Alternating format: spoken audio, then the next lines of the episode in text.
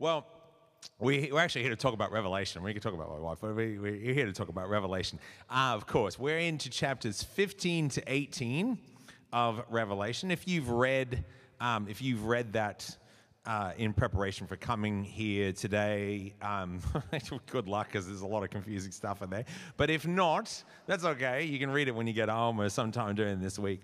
Last week, we were looking at the previous section. We saw the story of the dragon. And the dragon who makes war, the dragon is the devil, of course, or the Satan, the adversary. And he makes war on the people of God. He makes war on uh, the children of God and the people of Jesus. And he uses two beasts that he calls up from the sea and from the earth. Um, we talked about those beasts last week and what they might represent. And we also saw, I think one of the most interesting parts of that whole section is we saw the image of the wine press. Ah, praise be, it works. It works. There you go, Ben, we've got it sorted out. Um, you, we saw last week the image of the wine press, this interesting vision in which the first fruits, the, the grapes, are harvested and pressed in what's called the, the wine press of the wrath of God.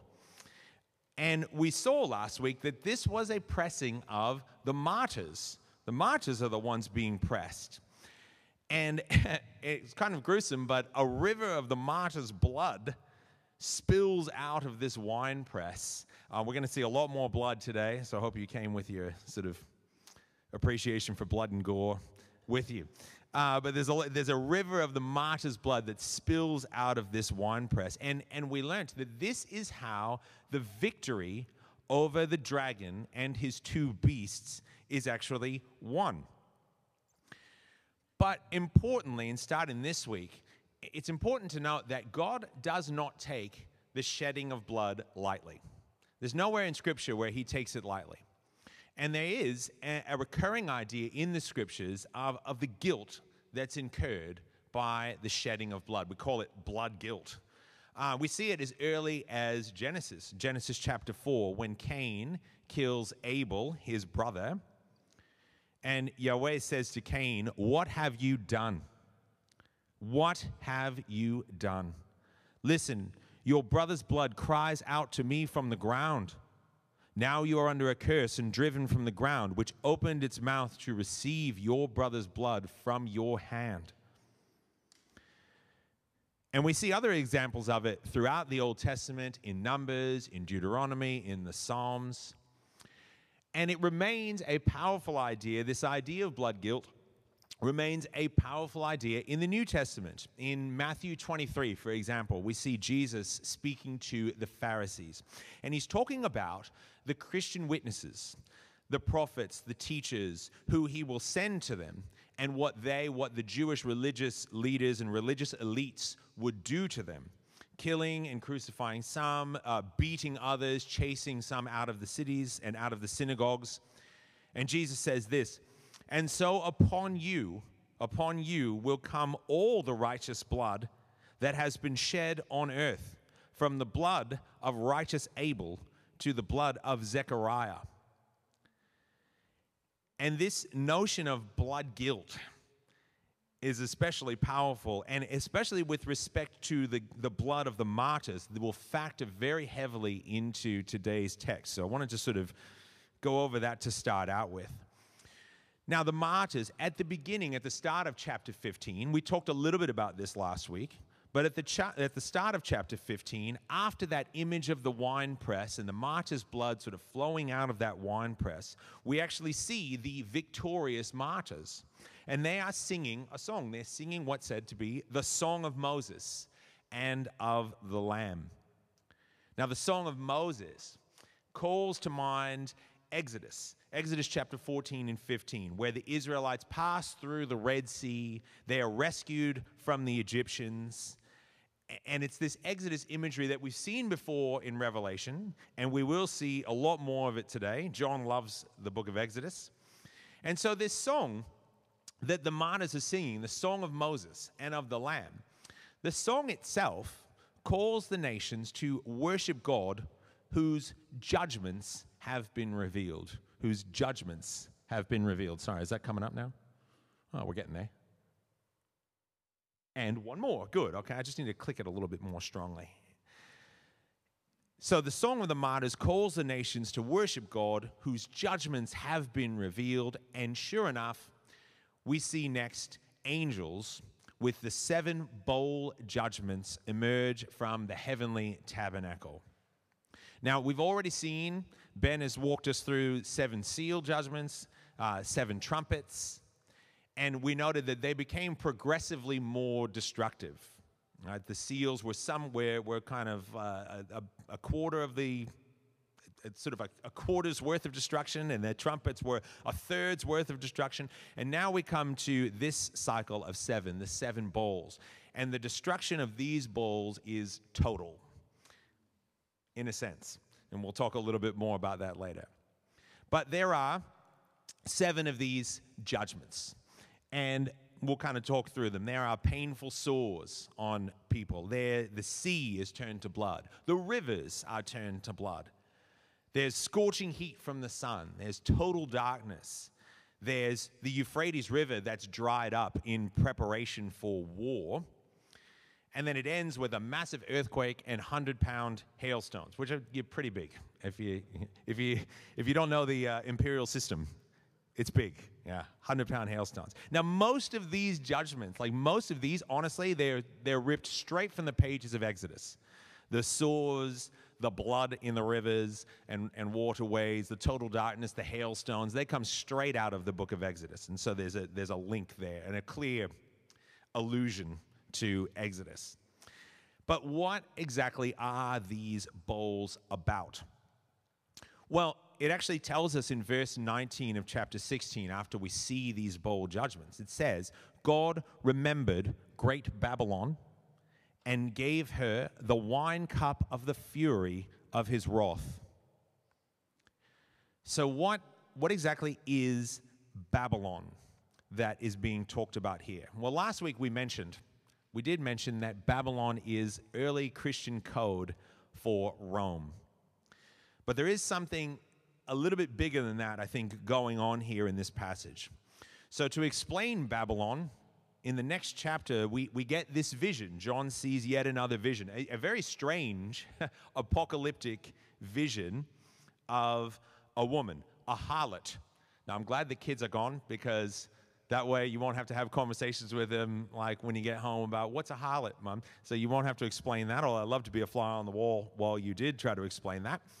But we do see this strange image of a harlot. And she's basically identified by essentially like a neon sign on her head that says Babylon. She is representing this idea of Babylon. And there are really interesting contrasts, actually, with the woman that we saw last week in chapter 12, the woman who symbolized the people of God. There are some interesting contrasts between the two. First of all, like the woman we talked about last week, she is clothed with the sun, the moon, and the stars. This harlot is clothed in purple and scarlet and jewels. The woman who is the people of God is the mother of the Messiah. This is the mother of harlots.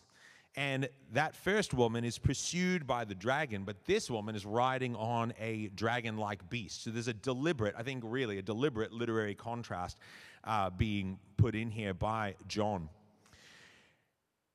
And it's a strange image but we get, oh, I don't know what I call it, a helpful, we get a handy, if complex explanation from uh, John, or from the angel to John in the next section of the book. So in chapter 17, uh, verses 9 to 11, we get, we get a bit of an explanation. So if you have your Bibles, is that going forward? Yeah. If you have your Bibles with you, you have uh, chapter 17 in front of you. Uh, I'll start in verse 9. So, this is the explanation of the beast that the harlot rides. It says this This calls for a mind with wisdom. The seven heads are seven hills on which the woman sits. They are also seven kings. Five have fallen, one is, the other has not yet come. But when he does come, he must remain for only a little while. The beast who was and now is not is an eighth king He belongs to the seven and is going to his destruction. Now, in that case, the explanation might actually be more confusing than the vision itself, right? There's a lot going on there, right? I'll say this, I'll kind of simplify it for us, but if you want some of the details, talk to me. I am not sure that I can fully explain it myself. I don't know, maybe Ben feels like he can fully explain that.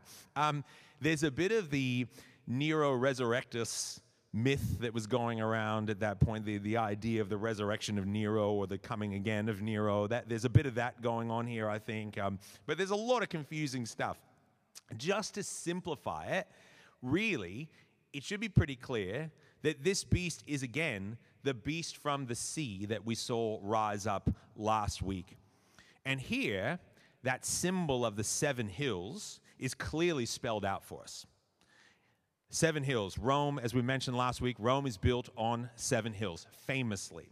And anybody in the first century would have known if you referenced the seven hills or the seven mountains, that would have been code for Rome. And I do mean anybody would have gotten that. So, this is again an image of the Roman Empire, including its line of emperors. However, strangely, this passage wants to number those emperors. But the whole system of Rome is sort of wrapped up in this beast. And it's supporting the harlot. So, what do we then do with this symbol of the harlot that's identified as Babylon? What is this?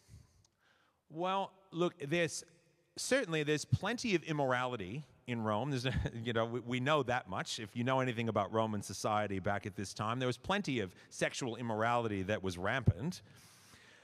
But I think there's something a bit deeper than that going on. Uh, in the Old Testament, especially, sexual immorality is often a metaphor for idolatry, and it's used in many of the prophets. Uh, Hosea is a good is a great example. Hosea is a perfect example of the, this idea of sexual promiscuity or sexual immorality being used as a metaphor for idolatry. And John, as we know, has plenty to say in this book about idolatry. And, and not only that, but she is drunk, it says, drunk with the blood of the saints and the blood of the witness of the witnesses to Jesus. So not only is she sort of an idolatrous image, but she's also a violent and a, murderous image. And so we can see this harlot, Babylon, as the idolatrous system of immorality, of greed, of violence, that always stands against God, that always stands against the people of God in every age and every time. It's Babylon because it's an old enemy, it's an ancient, it's a long standing system. And it rides the beast because its embodiment in John's day is Rome. That is where the system lives in the time of John or the time of John's audience. And that's what these bowl judgments are actually about. They are about the wrath of God against Rome, against this system. We notice that the judgments here in these bowls, they target Rome directly. The second and third bowls that are poured out into its waterways, turning them to blood, much of Roman commerce and food sources was based on the sea. The Romans loved to eat seafood. So by turning all the seas to blood and killing all living things, that cuts off a, a huge uh, amount of their food supply. It also they also would transport grain in from Egypt. So by turning again the seas to blood, the merchants can't really sail on that. So they, their food sources are cut off. That's a, a huge target on Rome's back. The fourth bowl is poured into the sun, and it causes the sun to scorch people. And as we mentioned last week, Roman emperors like to associate themselves with the sun god, Apollo. Similarly, the fifth bowl is poured into the th- or onto the throne of the beast, it says, and it throws the whole empire into darkness. And then the sixth bowl is a strange one. Why dry up the river Euphrates? Well, this bowl is actually targeting Rome's security. The Euphrates was the boundary line between Rome and its number one enemy, Parthia. And the Romans, everybody in the Roman Empire, especially if you lived close to there, uh, close to that area of the Roman Empire, they were dead scared of the Parthians. That, they were the, the people in the world that the Romans feared the most. And so by drying up the Euphrates, it's like saying, whoa, hang on. The boundary line between ourselves and our number one enemy is now dried up. The way is clear for them to wreak havoc, to invade. Now, a lot of these people, a lot, a lot of these people, a lot of people, writ large, a lot of people look at these passages and these judgments and they see the end of the world. But as G.B. Caird suggests, I think this is not about, I want you to get this, this is not about the end of the world. This is about the end of the Roman world. I'm going to say that again just to stress it. It's not the end of the world, it's the end of the Roman world.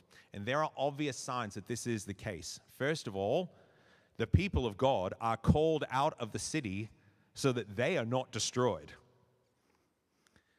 In the first case. Secondly, even after all these bowls rain down on people, there are, there are still people around. There are kings of the earth, there are merchants, there are sailors in the next passage. After all this destruction has taken place, they're standing well, well and truly far off so that they don't get destroyed. But they're watching all this stuff take place. They're still alive, they're still around. And there is this sort of comical scene in the next section, which I really love from a literary perspective. Honestly, I really love it because it's like a funeral dirge that the kings of the earth and the merchants and the, uh, the sailors all sing. If you can imagine like Greek tragedy, oh, you know, this is sort of what it's like. They're singing this, this woeful song. But in almost the same breath and the next breath, the people of God, of course, are rejoicing over this. We had earlier in the book the vision of the martyrs, right? Stand, uh, sitting under the throne of God and begging begging for vindication. How long will you wait to vindicate us? Well, this is the moment. This is the moment of their vindication. And I'll say here, this is not in my notes, but I'm going to throw this out anyway. The notion of judgment in the Bible is very often, more often than it is like a, a scary thing, it's, it's a hopeful thing. The idea, the notion of judgment in a biblical sense is a hopeful thing. It, it's, it's good that God judges wrongdoing. It is good that God vindicates people. The idea of judgment is one not in which God kind of, you know, but comes down and destroys everything. The idea of judgment is God sets things right. He declares, no, that is wrong. What you have done is wrong. And what you have done is right.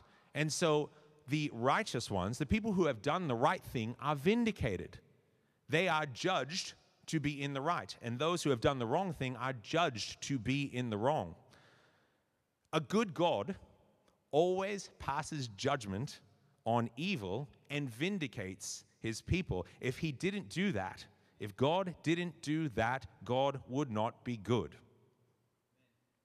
And I think it's important for us to understand that. We always get, a lot of times we see this idea of judgment and we cower, we get scared.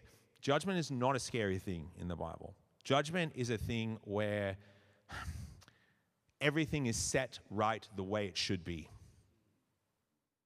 And you can imagine in a, in a society or amongst the people who are being persecuted, that they would look at that as a very, very good thing. But we should note, even in this passage, that God is also merciful. And in the midst of all of this destruction that we see in the bowl judgments, there is the sense that repentance again is welcome. We saw this in the in the seals, we saw this in the trumpets. God was inviting people to repent. And there is the sense that that is still the case. He is inviting people to repent. Sadly, people refuse. They're too wrapped up in the Roman system to change their ways. They refused to repent. And this is mentioned over and over again in this passage. They did not repent and give him glory. They did not repent of their deeds. They cursed God for the plagues. And it's a scary thing and a sad thing to see something like that.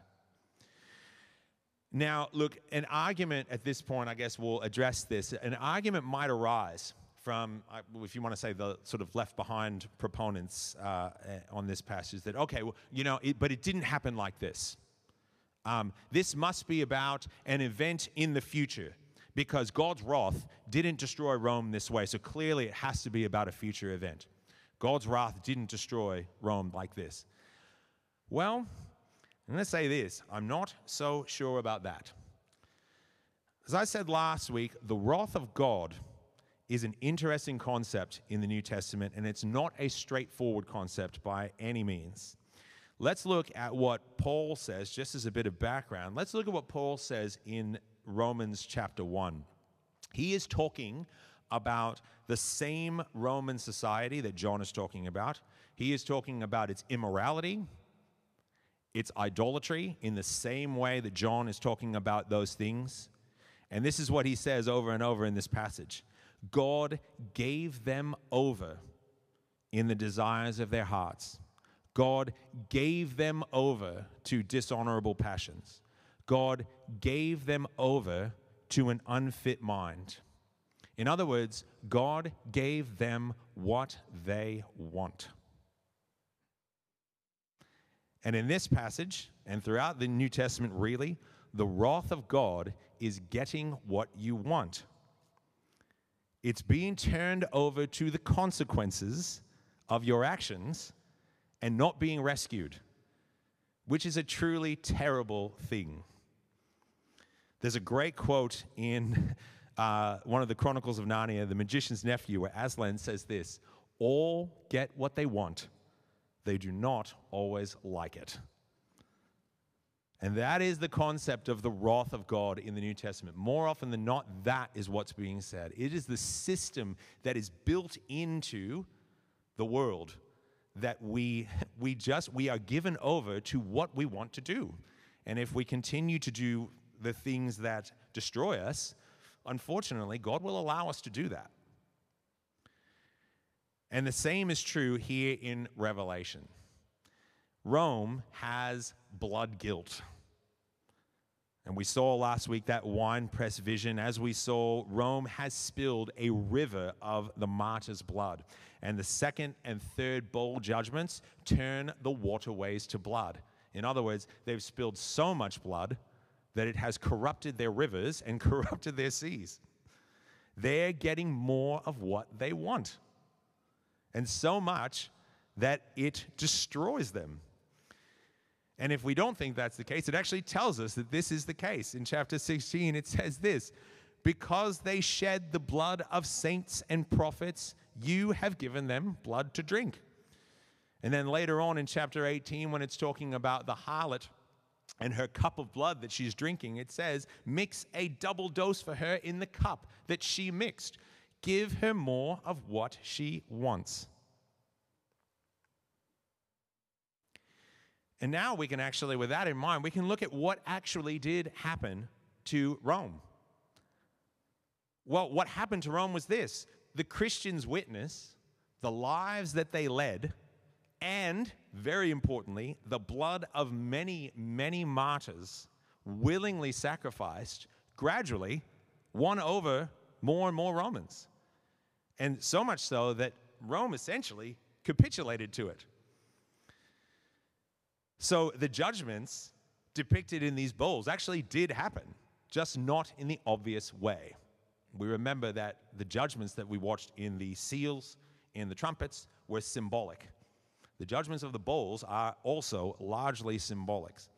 These judgments did, in fact, happen, just not in the obvious way. This is the kind of thing that John wanted from his audience, of course. They, he wanted them to follow the example of Christ and to carry forward the victory of Christ through martyrdom if necessary. And, and so many of the early Christians that we read about, that we hear about, so many of them did exactly that. And it's interesting, I guess, it's interesting to me um, today how many Christians advocate strength. Um, whether it's, you know, whatever it is, whether it's passing um, pro Christian laws or installing pro Christian governments um, in the effort to make this or that country, I guess, Christian in some way. It's an, you know, it, what's ironic about it is there's a, the sort of theology that goes in that direction is actually called the Seven Mountains theology. it's kind of ironic when you think about it, isn't it? it there's that, there is this sort of advocacy for strength, for Christian strength. But the message here in this book is, is that it's not strength that wins people over, it's patient endurance that wins people over, it's weakness that wins people over. That's the example of Christ. That's the example of the first Christians.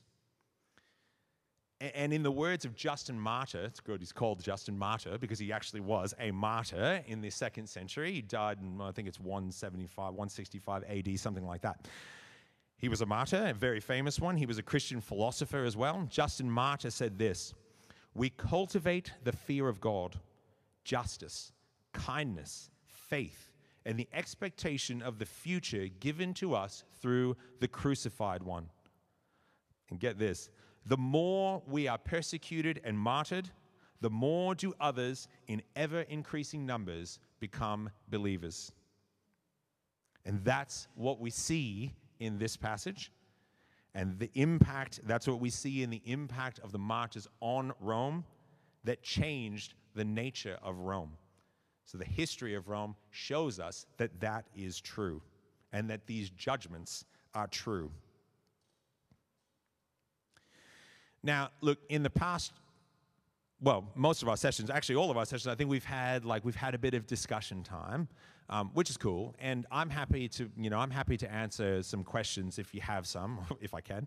Um, I'm happy to kind of do that.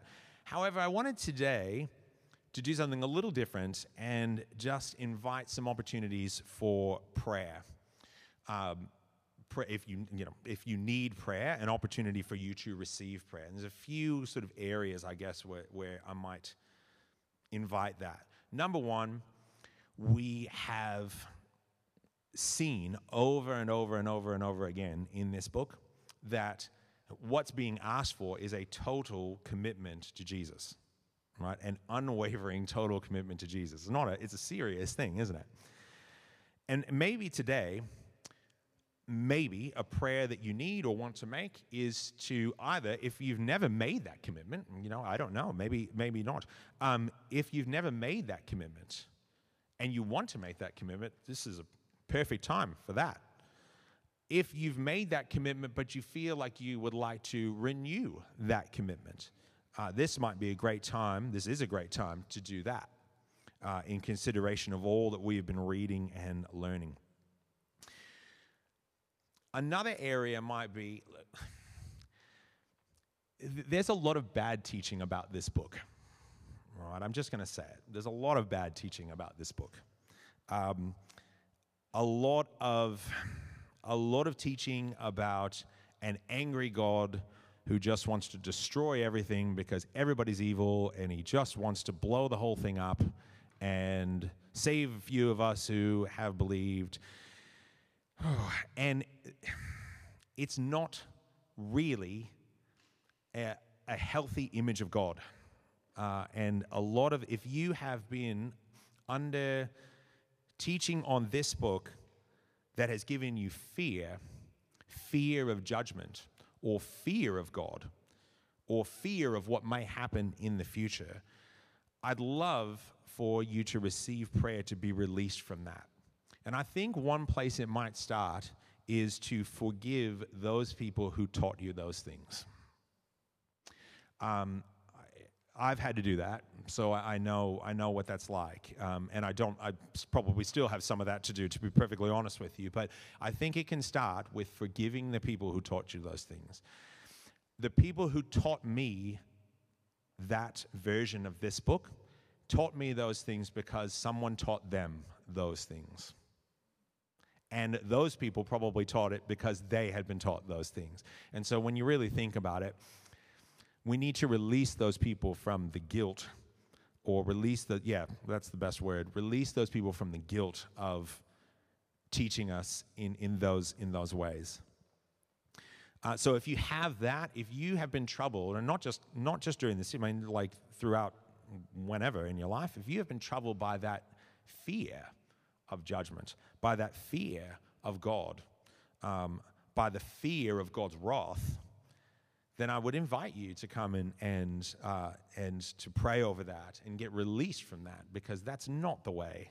That's not the way God wants you to see Him. It's just not. Uh, and I want you, if you get nothing else from today, I hope, you, I hope you're understanding that that concept of judgment, that that concept of wrath is not quite what we think, is not quite what we often think. And so I'd invite you to do that. Now, how are we going to do this? Let's see. Um, well, the best way might be that if you feel like you're in one of those positions, or it could be something else. I mean, it doesn't have to be those two things. I'm just, you know, I'm throwing that out as a, you know, throwing that out. Um, but it could be something else uh, related to all this that you'd love to pray through. If that's you, then I would just invite you. And you're, like I want to say, you're in a safe place. You really are. You're in a very, very safe place. Uh, I would invite you just to stand up and then we can gather around you. Uh, so if that's you, this is the hard part. We have to stand up, but it's not that hard. We all love you and we, we're all going to look after you, and that's what we do here. So if that's you and you want to stand up, now's a good time. And if it's nobody, that's okay too.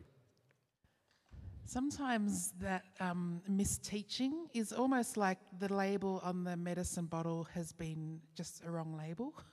And so it might be as simple as some things have been labeled wrong and you've ingested it as part of teaching. Being in church, we've all had to, to experience times where things that we've been fed haven't actually been good for us.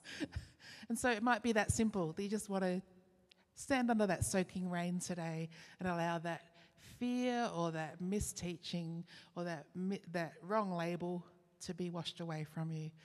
So, is there anyone else? I have a, suspicion that there's some others that would like some prayer.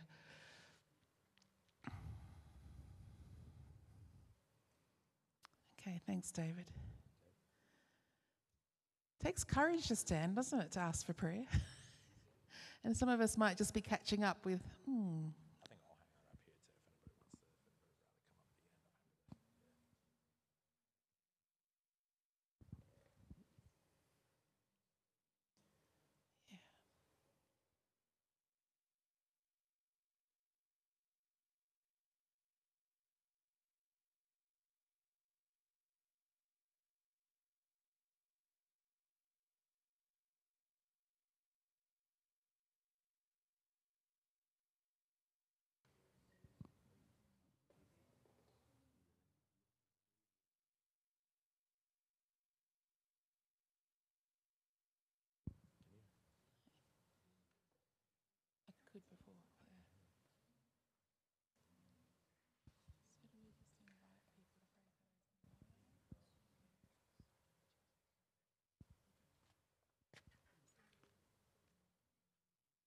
So I think let's let's just finish with a quick. If we sort of gather with those around us and just have a quick pray through. We don't want to keep anybody too too long today. Obviously, you know, got, everybody's got places they want to go, but um, if you can just gather with the you know groups four or five, like we've been doing in the past couple of weeks, and just have a just have a pray over some of these things. Commit them to God.